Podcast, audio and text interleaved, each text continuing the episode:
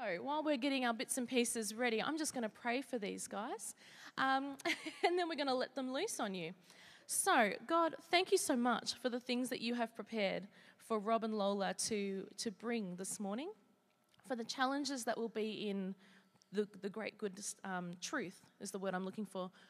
The challenges that will be in the truth that they're bringing today, but also the freedom that will be in the truth. And God, we just pray that you help us receive what it is that you have prepared well and give permission for Holy Spirit to do what it is that He wants to do today. We pray this in Jesus' name. Amen. All right. Do you like my sweaty mic? Well, Rob's doing the first bit, and I'm doing the last bit. That's why I'm sitting down now. Take it with you.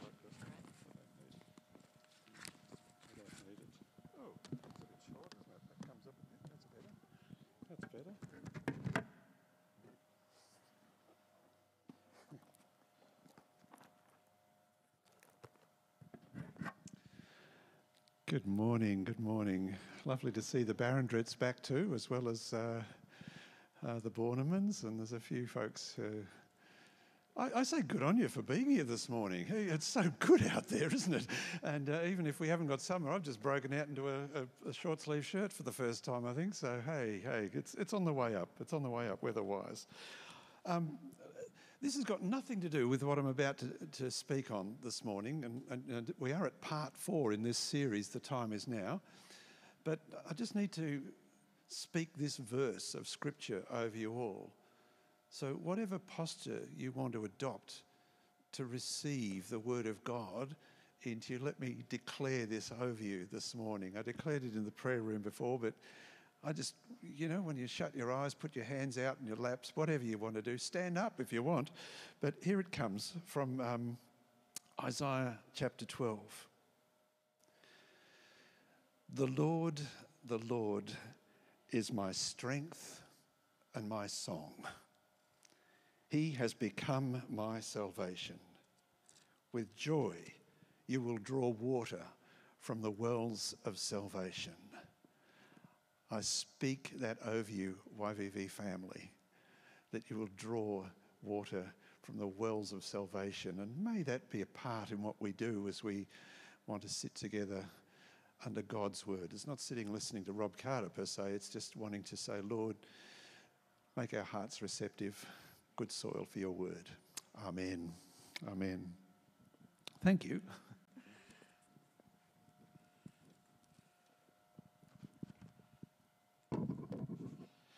So, the time is now.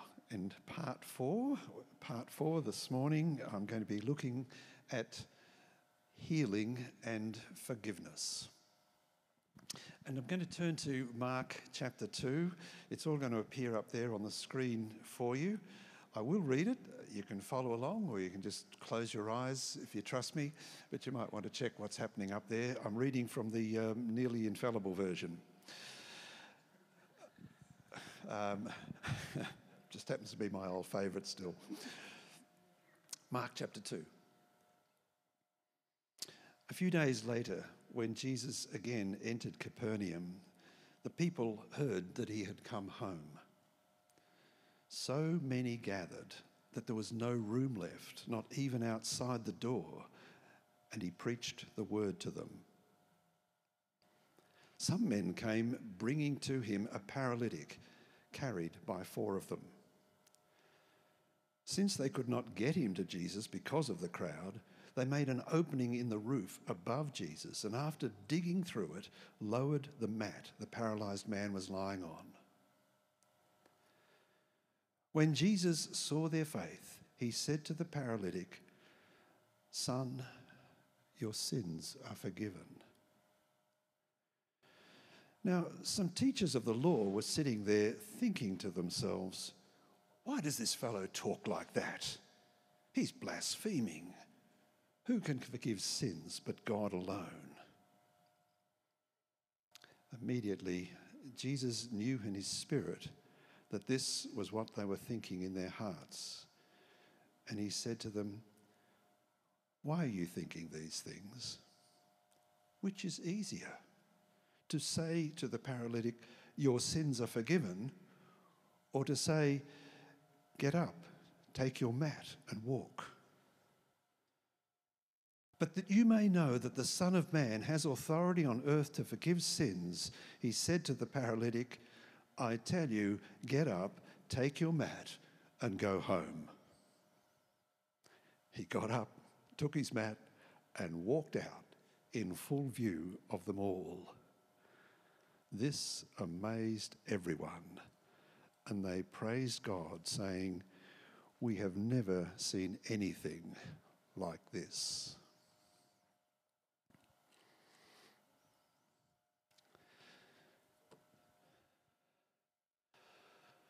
Of the four Gospels, Mark is the account that takes us most quickly to the words and works of Jesus.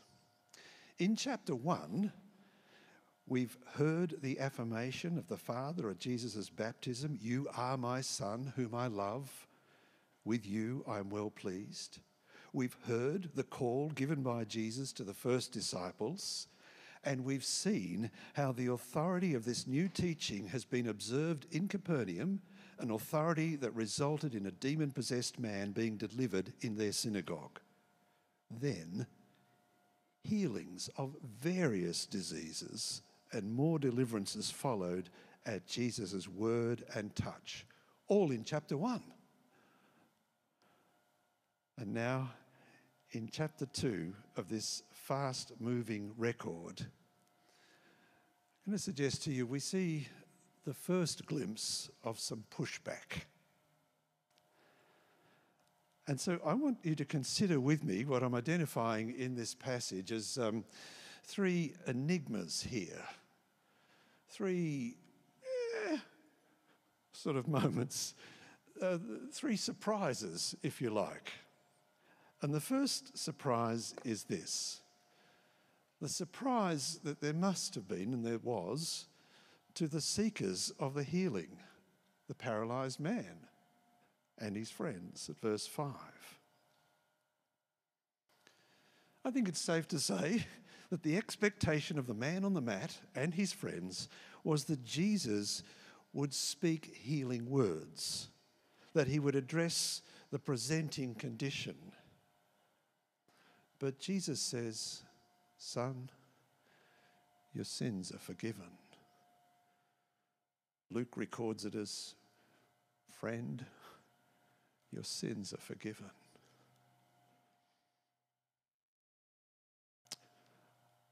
I imagine the friends are thinking, okay, great. You're addressing some spiritual matter here. But you're not addressing more obvious and immediate need. And we all know we just want to meet people at their point of need, don't we? And the obvious, bleedingly obvious need is that this man has come to be healed. And you're saying something totally other. And to which Jesus, I think, might say, You think you have a more immediate need, but no, you don't. You think that if you could just walk again, everything would be great, no problems. But not so. Jesus, we need to hear this. I need to hear this because I'm looking for the healing, you know. And remember, the guy does get healed. Jesus is saying that nothing is more important than a relationship with God. Nothing is more important than people finding a relationship with God.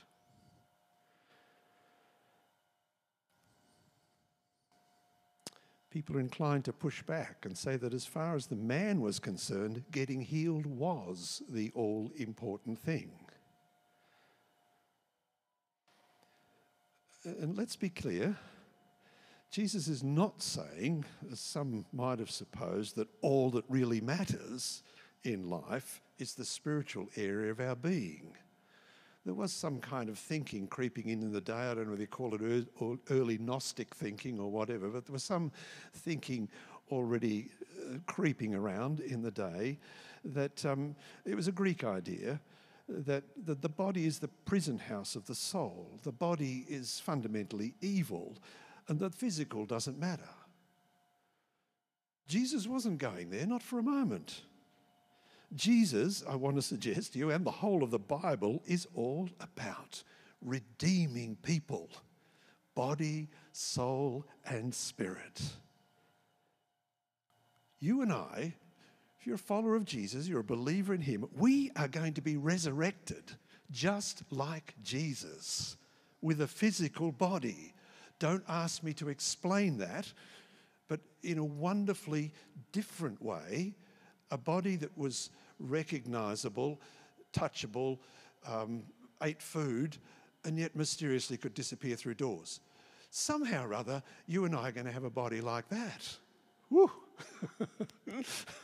Try and wrap your heads around that. But that's important for us to grasp. The physical understanding of eternity is a renewed material universe. Okay? So Jesus wasn't going down a path of all that matters is the spiritual, and the sooner you can get rid of this old body, the better. No, no, no.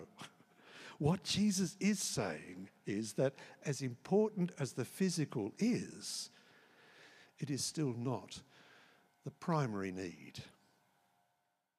You need to have your sins forgiven. You need to have a relationship with God. That's the main thing we are trying to get across, I think, to others, is it not? We want to see people come to find the life that there is to be found in Jesus. Right? Um, I'm looking for a little bit of yes, good, thank you. I'll keep going then. Having said that, I, I, can hear someone possibly, possibly um, pushing back to me with, How can you say that to me? How can you say that to me? I've been abused. You, you don't know what I've gone through. How can you tell me that my, my biggest problem is my sin? My biggest problem is how I've been treated.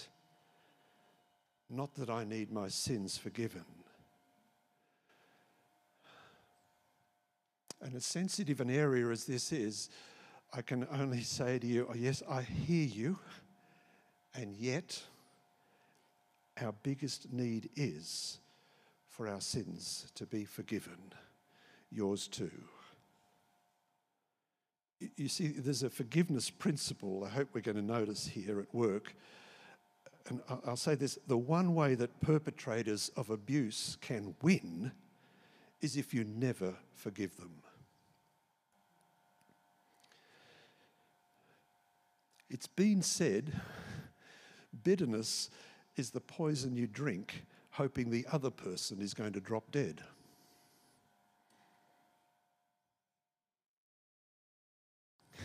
When bitterness has its way, ultimately it will destroy us, it will destroy you. And how then can you, can we forgive?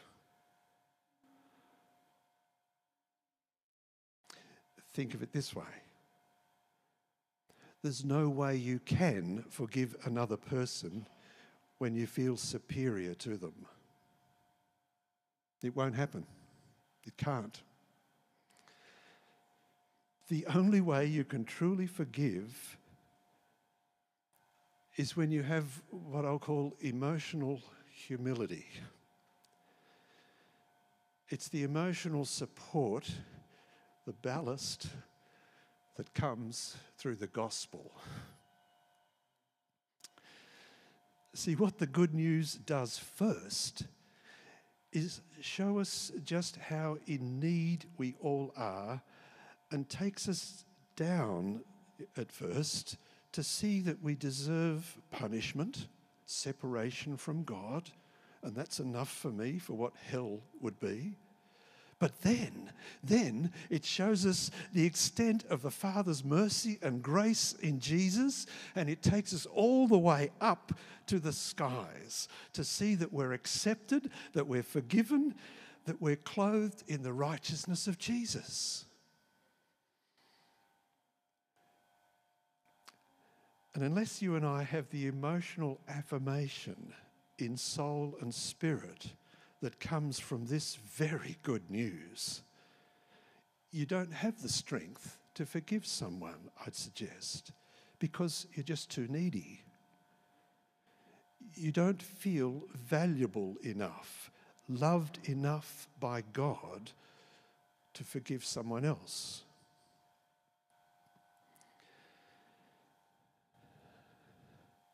I can't say this more strongly. We just all need to know, to experience the forgiveness of God in order to truly, truly forgive another person.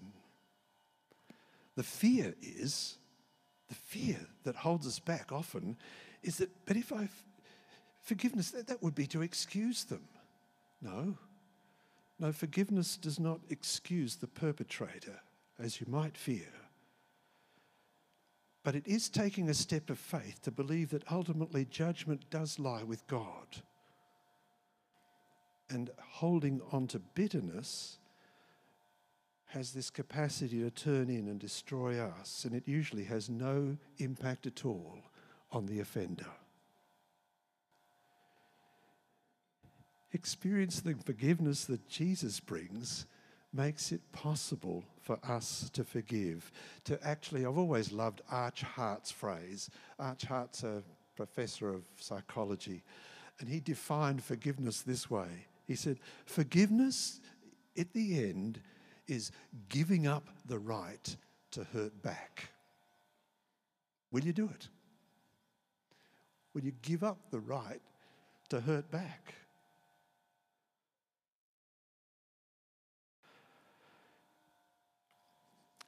That was a surprise, I think, to the seekers of healing that Jesus went there and not to the obvious and presenting need. The second surprise, enigma, if, if, you will, is to us, the readers. Right there at verse 5. You, you see, the consistent message throughout Scripture is that for people to be put right with God, they must acknowledge their sin and their need for forgiveness. Now, sometimes we've made it all sort of a little bit, you know, step one, step two, and you must say these words, and then you must say those, and you must say those. And those steps can be helpful, but sometimes it can be a little formu- formulaic. That's the word. It can be a little bit like that. Um, just a little formula. You just say the sinner's prayer. Not wrong, but just don't let it just be a formula. That's the consistent message, though, of Scripture. We need to take these that kind of thing. The call is that we repent. So if I'm facing this way, hi Simon, I'm called to turn around. I'm called to change direction. Um, there's a, a, a deliberate turning from must happen in order for God to forgive and restore us. So the enigma, the surprise, for us as readers here is that Jesus goes and declares this man forgiven without the least sign that forgiveness has been sought. Oh, what are you doing? You're messing with me, Lord. He didn't ask for forgiveness, he came to be healed. What's going on there? Well, I was helped here by Tim Keller. I like reading some of Tim Keller's stuff. Uh, Tim Keller, I, I thought was on the money. Anyway, I'm sharing this with you. Tim Keller shed some light for me by suggesting that we allow verse 8 to illuminate this part of the story for us. In verse 8, this is about the accusers. We're going to get to them, the religious leaders of the day. Verse 8 Jesus knew in his spirit that this is what they were thinking in their hearts. Jesus knew what was in the hearts of the leaders, his accusers. And since Jesus could not be changing the rules on what applies throughout Scripture, the need for confession and repentance, it's reasonable to assume, says Tim Keller, and I find myself agreeing with him, that Jesus had similar discernment happening with the man before him this man on the mat. In a number of places in the gospel, we find Jesus operating this way. Perhaps he just operated perfectly in the gift of knowledge. but the writers tell of Jesus knowing what people were thinking or saying among themselves. And it does seem reasonable to assume that Jesus saw into the heart of this man that had been lowered on a mat. I'd suggest he saw that he had an awareness of his sin, a desire to be free of a weight that had nothing to do with his sickness directly. It may have only been a partial awareness, even fragmentary, and it certainly wasn't articulated. And the more I pondered this, the more I thought, wow, about Jesus. Well, this speaks to me of the willingness of Jesus to extend grace. It speaks of his tenderness towards us so that he's ready to say the words we need to hear, even when we cannot say the words we need to say. Yeah. Not beyond him to do that, is it? I think that's what he was doing here. And I say, wow, how good is Jesus? You can trust this man. ah, love it. Jesus spoke to the meditations of the man's heart, things felt but unspoken, and he declared him forgiven. Jesus just knew that he was ready and needed to be put right with God, and that was the declaration he made before he needed physical healing. How are we doing? Here comes the last surprise, the last enigma, little puzzle. And it's the obvious one, perhaps, but the leaders of the people, Jesus accuses. I think we all understand that the only one who can forgive another person is the one who has suffered the hurt, the wound, or be it abuse. So if, if Tom, Dick, and Harry were walking down the road and an argument between Tom and Dick ends with Tom punching Dick in the face, giving him a bloodied nose, it would make no sense at all for Harry to say to Tom, That's okay, Tom, I forgive you. Dumb example, but still. So it was somewhat understandable that the religious leaders were more than surprised by Jesus' words to this man. Just as you and I can only forgive sins perpetrated against us, the leaders were outraged that Jesus should assume the place that belonged to God alone. For in effect, Jesus is saying here, all sins are against me. And that's what I imagine they heard. All sins are against me.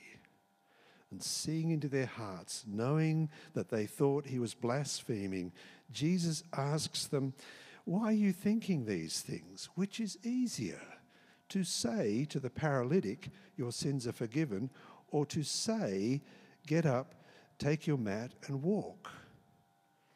Now, his question might be heard as suggesting both statements are equal, one just as easy as the other. But I don't think so.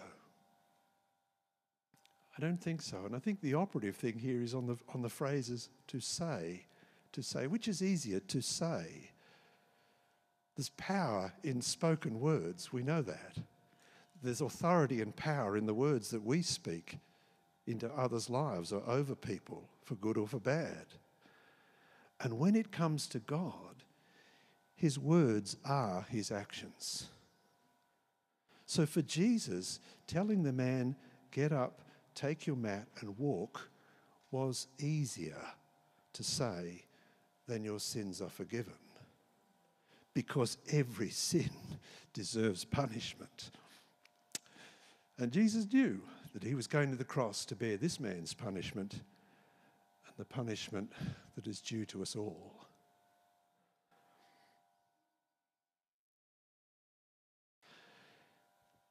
So, to kind of come in for a landing this morning, I, I want to say a bit more about what I suggested was a, a forgiveness principle earlier on. Simply, if it can ever be simple, because I, I realize giving forgiveness can be the most difficult, difficult thing for people. I understand that. But I think it works like this one, everyone needs God's forgiveness in order to be put right with Him. The cross, the resurrection of Jesus made that possible. It makes it possible today. The stark metaphor of Scripture, it is, the very, it is the very lifeblood of Jesus given to us that washes and cleanses us from sin. In turn, everyone needs to become a conduit of forgiveness. As we have so freely received, we are called to freely give. Our lives are to be examples of what the forgiveness of God affects. Wonderfully, it brings us into relationship with Him and it affects our capacity to forgive others. Jesus teaches us, doesn't He? We've been ending our, our prayer sessions in the mornings leading up to this Sunday with the Lord's Prayer. Forgive us our sins. How do we want you to do that, Father? Oh, as we forgive those who have sinned against us. So he's, he's giving us a, a, a model of praying and hoping and praying that we will be conduits of this very activity. So, forgiveness is the third point I just got here. Forgiveness is a stream that needs to keep flowing. Unforgiveness blocks the flow, creating pond of water that becomes rank, turns bitter, and with time poisons the soul. As I was thinking about this, I, had been reading a bit of uh, back in Nehemiah, a bit of a jump, I know, but I just bear with me a minute. The mission of Nehemiah to rebuild the walls of Jerusalem gives me a picture of something here. As a return of the exiles was beginning to happen, a major obstacle that Nehemiah faced in his mission to rebuild the walls of Jerusalem was the pile of rubble from the wall that had been there before. And he needed to take time clearing away the rubble before the rebuild could get underway.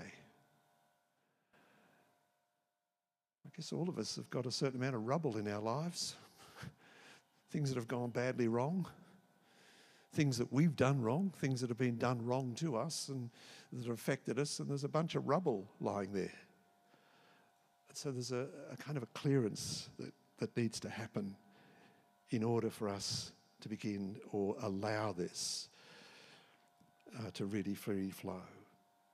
Unforgiveness on our part can stem the healing flow of the Spirit in our lives. Now, don't hear me as saying it means that it's conditional. God only, this is a condition. Before I will heal a bone in your body, Simon. You're sorry, you're just in my line of fire this morning. But before I touch you for healing in your body, you've got unforgiveness, so forget it. I'm moving on to the next person. No, it's not conditional. But I, I do suggest to you that it, it, it, can be something that quenches the spirit. The, spirit's coming to minister all that we're asking for, but there's stuff in the way, there's rubble to be cleaned away. It's interesting that in James 5, that we often turn to for a great little verse, because James is a little bit like New Testament proverbs to me. It's very a bunch of pithy sayings in there, you know. And so you get this lovely pithy saying with, "Oh, if any sick among you, call the elders of the church and you know, anoint him with oil and pray, and the prayer of faith will save the sick person." But what it's prefaced by is that um, we're encouraged to minister healing to the sick. We're exhorted to confess our sins and to pray that you may be healed. so there's something in here, you see, on this, this forgiveness principle that kind of says if we're in the flow of the Spirit, and if we're in the flow and, and company with one another, or if we have a good friend that we can say, I need to lay this before God and I'm needing your help perhaps to help me just lay it bare. Or you can help me declare the forgiveness of God because I'm finding this so difficult. But I'm putting it out there. And as we do, Father is going to come rushing in to bring healing into our lives. We need to let it go. Sorry about that little movie. We need to let it go. Clear the way for healing to flow in us, body, soul, and spirit, unhindered. So, this talk this morning has been called Healing and Forgiveness. And I think it might just as well have been called The Healing of Forgiveness.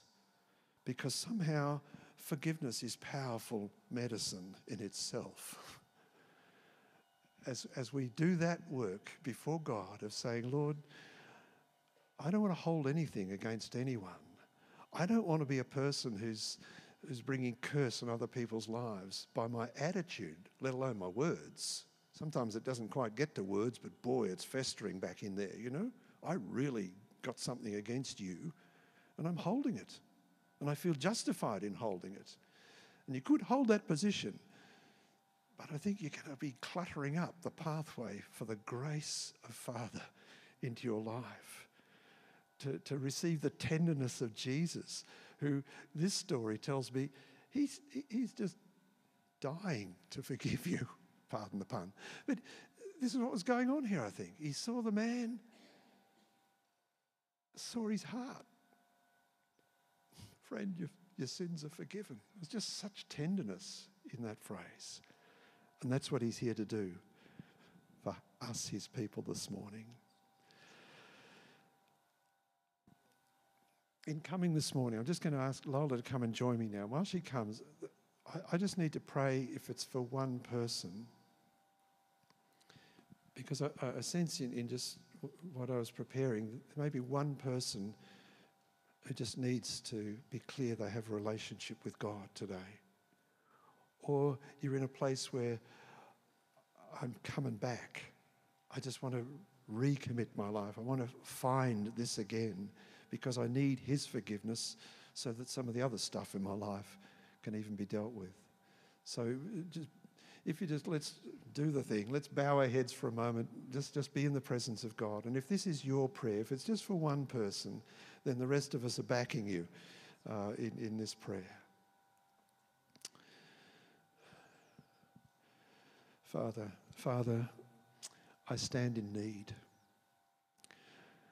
I recognize, Lord, that you love me because you sent Jesus to give his life for me. And I acknowledge, Lord, that I'm a sinful person. I'm needing to know the wonder of your love. And I want to receive now the healing flow of Jesus' blood shed for me to wash away all of my sin. And I choose, Jesus, to commit my life to you as my Lord, as my Savior. I choose to live for you now. And I thank you. I thank you for your life giving spirit, bringing my spirit to life, because that's what you promised to do. I say thank you in Jesus' name. Amen. And should that have been your prayer, I'd, I'd be privileged if you'd come and let me know just that I can agree with you a little further before you go today. That might be a way to do that. Yep. Thanks, Well, I stand up here very aware that forgiveness is no little thing. It can get huge and big. But as I just look around at you, I just want to say, hello, followers of Jesus. and I feel like Father God wants you to know that He honours you all all. And every little effort, seeing it's about forgiveness, every little time you've wanted to forgive someone, He honours that. So, for some reason, I'm the person here that's now going to lead us through some prayers that are not going to be dry because the Holy Spirit will be here. But just thinking about forgiveness, you know, Rob quoted Arch Hart. He said, Forgiveness is not wanting to hurt back. And and if, it might only be me, but possibly others, like, couldn't we just throw some really rotten tomatoes, but not too hard? Does it have to be that squeaky clean and thorough? So, the answer is Jesus is saying, throw them at me, isn't he? Because he did. He, he hung on that cross and he took the stuff for us, which is our sin or what we've our attitudes because people have sinned against us. You know, that He took all that stuff and He already knows it. And yes, He's already got it and He's happy to take it every moment, every day. And what I feel like we're going to be doing now, and I'm, I'm taking the prayers out of this book by a very gifted, lovely man who ministers called Peter Horrobin, and it's Ellel Ministries that he's it's healing inner healing ministries, and he's led people through this for years, and I've had his ministry and been to it. It's just some putting into words, giving to God our stuff, giving to Jesus our stuff, and in the end of after we've done these few prayers, we're going to do the receiving instead. Like it, I call it a truth and freedom transaction. And that's what God invites us to through Jesus truth and freedom transaction. And it's all by His grace, isn't it? It's not by our holding our breath. Our salvation's by His grace. Putting one foot on the path of salvation, uh, for, forgiveness for whatever situation and person is by His grace as well. So if it's all right with you, I will ask the Holy Spirit to come and enable us, because hey, that's how it works, doesn't it? And then I will pray some prayers, and, and if you're happy to listen, and in the middle of some of these prayers is a little space where we in our minds might say, in our minds, the person's name that we're forgiving or whatever the situation is, and we'll go through them. All right, let's pray. I'm going to ask the Holy Spirit. Holy Spirit, Come and lead us to your truth and your freedom as you do every, every day and every moment that we invite you in. So now I'm going to read a prayer that is about enabling us to forgive others. Thank you, Jesus, for dying that I might be forgiven. By an act of my will, I now choose to express the desire of my heart and forgive those who have hurt me. And at this point, we just quietly in our heads name uh, the people or person who have hurt you.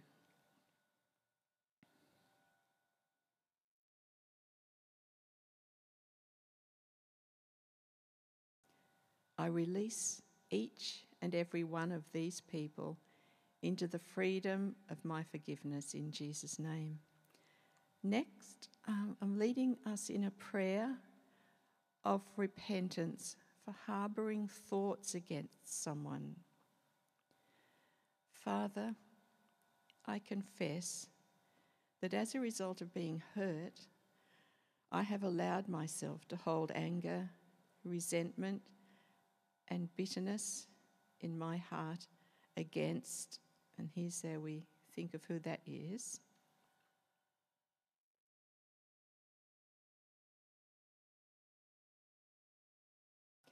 I acknowledge this as sin and I now repent and turn from this behaviour.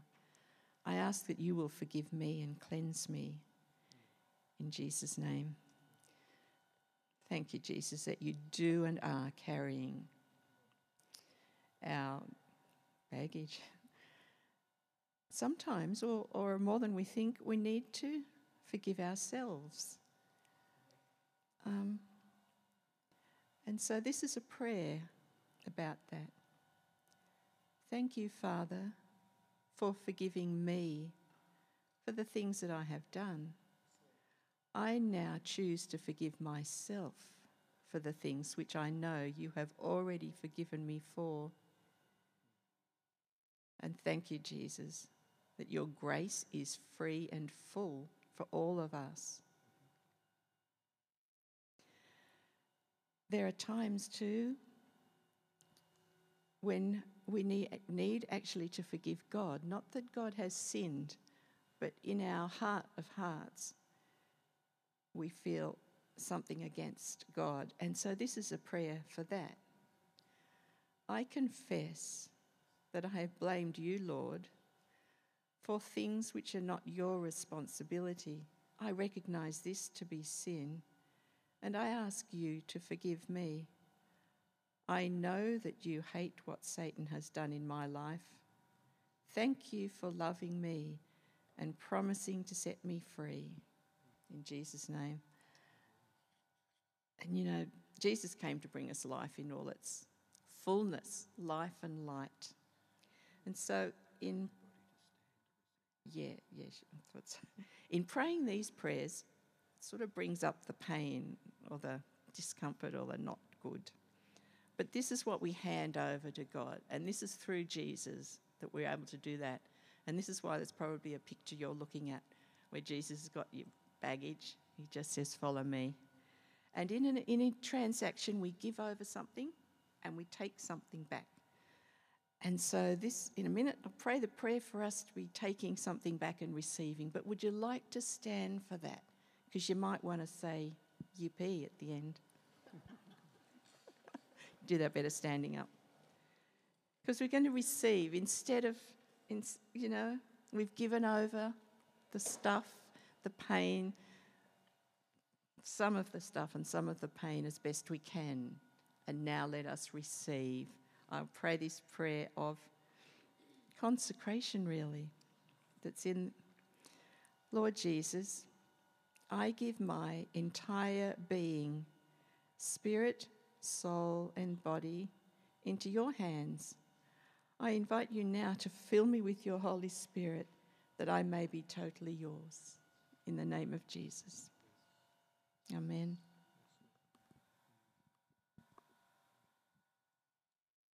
And let his kingdom come in all of you. Amen.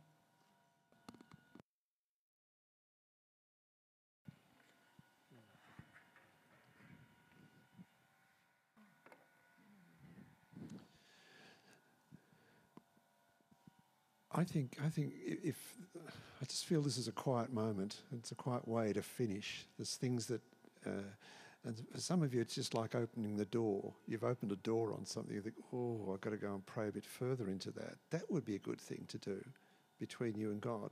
But it might be something that you you know friends here that you could do that agreeing with together. Just just add strength to. You know, sometimes we need God with lips or with skin, as they say. Sometimes we need somebody else. And That's why it says confess our sins one to another, not because I need to know your stuff or you mine.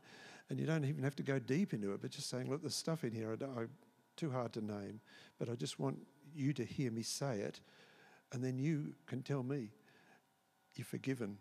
I declare you forgiven in Jesus' name. I find that really powerful on occasions when I've just needed to do that in my life. So I want to commend that thought to you. And so, with that to say, guys, God bless you. You, you might want to just tee up with somebody before you go today and say, gee, out of what's been prayed about, could we have a coffee? Could I get together with you? And we, we'll uh, lay hold of that together. All right? Anything more, Di? Can I finish it there? Bless you. You could jump up and say, whoopee, but no, that's right. Bless you. We'll see you next time. Lovely to have had you all with us today.